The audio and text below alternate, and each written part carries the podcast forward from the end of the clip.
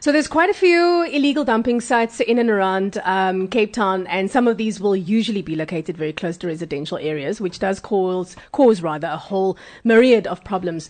Um, now, the City of Cape Town's Recreation and Parks Department have decided to join forces with the Tafelsig community, uh, various community leaders, and also the Neighborhood Watch to try and clean up uh, one such illegal dumping site and try and clean this up and transform this park. So we're chatting this morning to Councillor Zahid Badroodien.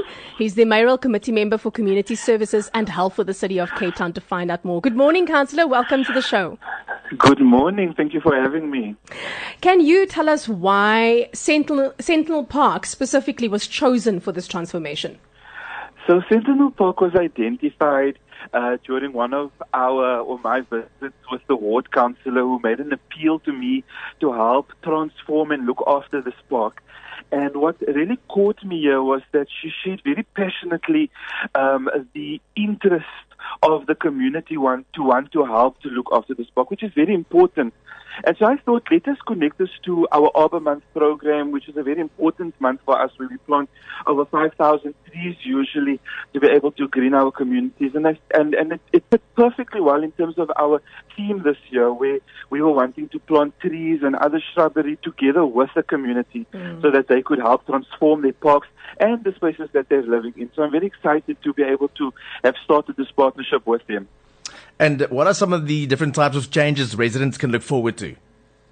So on the day, we actually painted some of the equipment. We planted about 15 trees on the site. This park, especially, uh, is victim to regular dumping.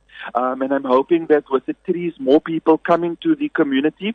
But if we can get this relationship right, what my commitment to the uh, community was that if we come back in a year's time and see that the trees are still living mm. um, and the dumping has, has uh, receded, we would then be able to make further investments into this particular park, which is quite a large park. Mm. Uh, things like five-a-side, uh, soccer pitches and uh, netball pitches, whatever is the needs of the community. And this is a process that we will take to them. But what we're saying is we want to come and invest in your community, but we don't want to go into a community where our equipment and the space is vulnerable. Therefore, please help us look after this so that we can continue with our partnership.